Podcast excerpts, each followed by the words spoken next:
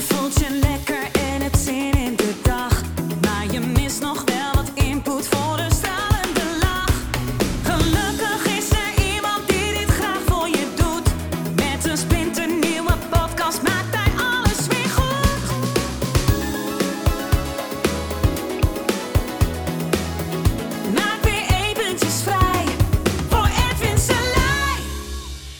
Vorige levens. Ja, vorige levens zijn super interessant.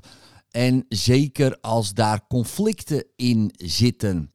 Hallo ladies and gentlemen, dit is de Kom uit Hypnose podcast. Vandaag wil ik het met je hebben over onbewuste conflicten in vorige levens. Nou, een hele tijd geleden, toen ik net met de opleidingen begon, 2009, eh, was daar een mevrouw. En we gingen een oefening doen met tijdlijnen.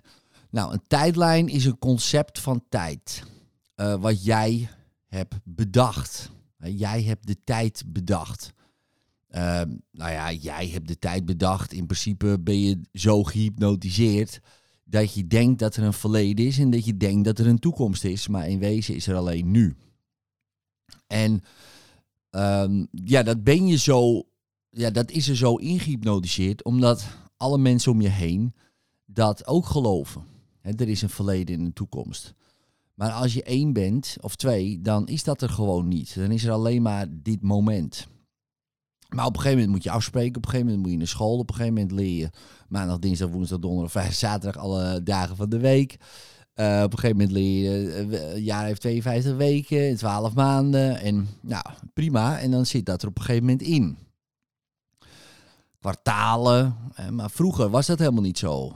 Er was, was er een 13 maanden kalender bijvoorbeeld.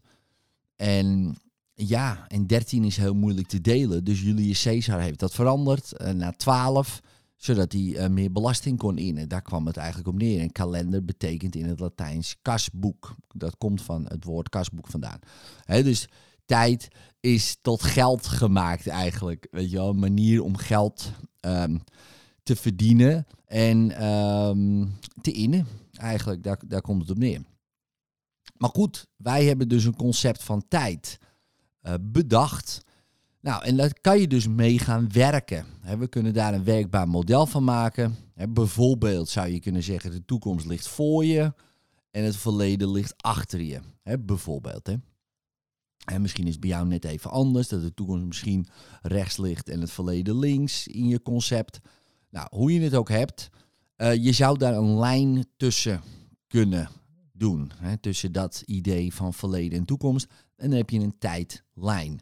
Nou, we gingen die oefening doen. Eh, toen deed ik die oefening nog. Een kinesthetische tijdlijn. Wat betekent dat? Nou, dan stel je je voor dat die tijd op de grond ligt van je. Dus, het dus ga je echt met je lichaam voelen. Oké, ja, dit is het nu. En daar is mijn toekomst voor me. En eh, achter me is het verleden. En dan loop je als het ware achteruit je verleden in. Nou, super interessant. En dan kan je eh, een gevoel wat je voelt. Hè, in dit geval, zij was eh, ja, nou ja, bang om zichtbaar te zijn. Of ze durfde niet zichtbaar te zijn. En er zat niet per se een hele grote angst op, maar, maar wel iets eh, ja, wat er tegenhield om, om meer zichtbaar te zijn. Om meer te zeggen wat ze vond. Om meer ja, eigenlijk de markt op te gaan, de boer op te gaan. Gewoon zichzelf te laten zien van kijk, hier ben ik en je kan ook bij mij wezen als, eh, als hypnotherapeut. Nou, veel mensen hebben daar eh, een uitdaging mee. Met dat soort dingen, met zichtbaar zijn. En ze wilden weten waar het vandaan kwam. Nou, dus ik zei, nou, we volgen dat gevoel terug naar een eerdere keer. En dus loop maar gewoon naar achteren. In, met begeleiding dan. En nou, en ja, hier is het ook eh, geweest. Nou, bijvoorbeeld, ik noem maar wat, drie weken geleden voelde ik het ook weer. En toen was ik daar en daar.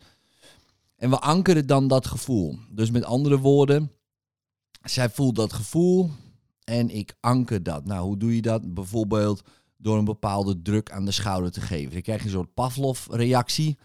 Eh, Pavlov eh, was in de vorige eeuw bekend, is hij geworden onder andere van de Pavlov-reactie. Oftewel, eh, zijn experiment met honden. Hij liet dan een stuk vlees zien aan honden, die begonnen dan te blaffen. En dan rinkelde hij een belletje bij. En op een gegeven moment was het rinkelen van het belletje genoeg voor die honden om te denken dat er vlees kwam. En dan gingen ze al, kwijlen. Eh, zonder dat er vlees in de buurt was. Dus dat, die respons was verankerd in het belletje. Nou, dat kan je dus ook gebruiken met bijvoorbeeld een gevoel verankeren aan een bepaalde handeling. Dus dat deden we. Dus in dit geval schouderdrukken. Nou, en zo helemaal naar achteren lopen. Maar deze mevrouw bleef niet in dit leven. Ze bleef ook niet in het, een, een leven daarvoor. Nee, ze ging vijf levens terug, al dus de tijdlijn. En ze kwam uit op de brandstapel. Ja, en die raakte helemaal in paniek. Helemaal in paniek. Nou, dat is allemaal goed opgelost. En die sessie zelf duurde, die oefening zelf duurde nou, meer dan een uur. Um, daarna moest er nog heel veel uh, labwerk komen. Uh, in de zin van, uh, ja, ze was zo in paniek geraakt. dat er daarna nog een sessie van een uur overheen moest. En ook daar heb ik besloten, misschien is een kinesthetische tijdlijn niet zo handig voor een, in een beginnende opleiding. dus dat was ook meteen de laatste keer dat we die in de opleiding hebben gedaan. Um, maar het effect was, hè, na, die, na die sessie en ook die andere sessie, uh, dat zij het onbewuste conflict uh, oploste en gewoon uh, keihard zichtbaar ging zijn. Ja, dus, dus het resultaat was top. Alleen het was wel even heel intens op dat moment. En het interessante is, ja, kijk, dus ook nu, hè, zeg maar, in het nu kan jij dingen doen, denken en laten die je misschien niet wil. Ja, je wil misschien bepaalde dingen niet doen, bepaalde dingen niet denken en bepaalde dingen helemaal niet laten. Je wil ze misschien gewoon bijvoorbeeld wel doen.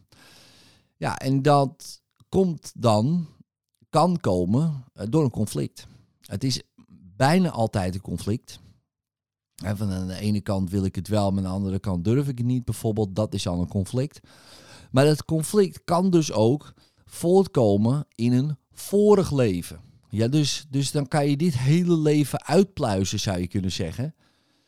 Maar dan vind je het nog steeds net niet. Net niet. Net niet, net niet. En als je dan dus naar een vorig leven gaat en je lost het uh, conflict daarop, dus bijvoorbeeld door een kinesthetische tijdlijn te doen of in een uh, regressie te gaan of uh, ja, welke manier je ook, uh, ook pakt, dan kan je dat dus oplossen. En dat is dus zeer interessant wanneer je erover nadenkt. Weet je wel, dat je dus denkt nu misschien van ja, maar ik heb alles geprobeerd maar niks lukt bijvoorbeeld. Of ja, ik heb mijn hele verleden uitgeplozen, maar niks lijkt te werken. Ja, dan is er misschien wel een ander verleden uh, waarin het ligt. En ook daar is het dus goed om op zoek te gaan naar dat onbewuste conflict. Want ja, tijd is van de geest. In wezen zou je kunnen zien tijd als een verticale as. Dus het is altijd nu. Maar ja, nu betekent ook uh, een vorig leven waar je last van kan hebben. Net als die mevrouw. Dus um, ja, ga gewoon op onderzoek uit. Weet je wel, uh, in jezelf. Hè, ga in, bijvoorbeeld in een transachtige toestand. En, en kijk wat er omhoog komt. En volg inderdaad de tijd terug in je geest. En uh, tot het conflict daar is en los het op. En ik weet zeker, ja, dat gaat je zeker dan geen windeieren leggen. Nou, heel veel succes en later.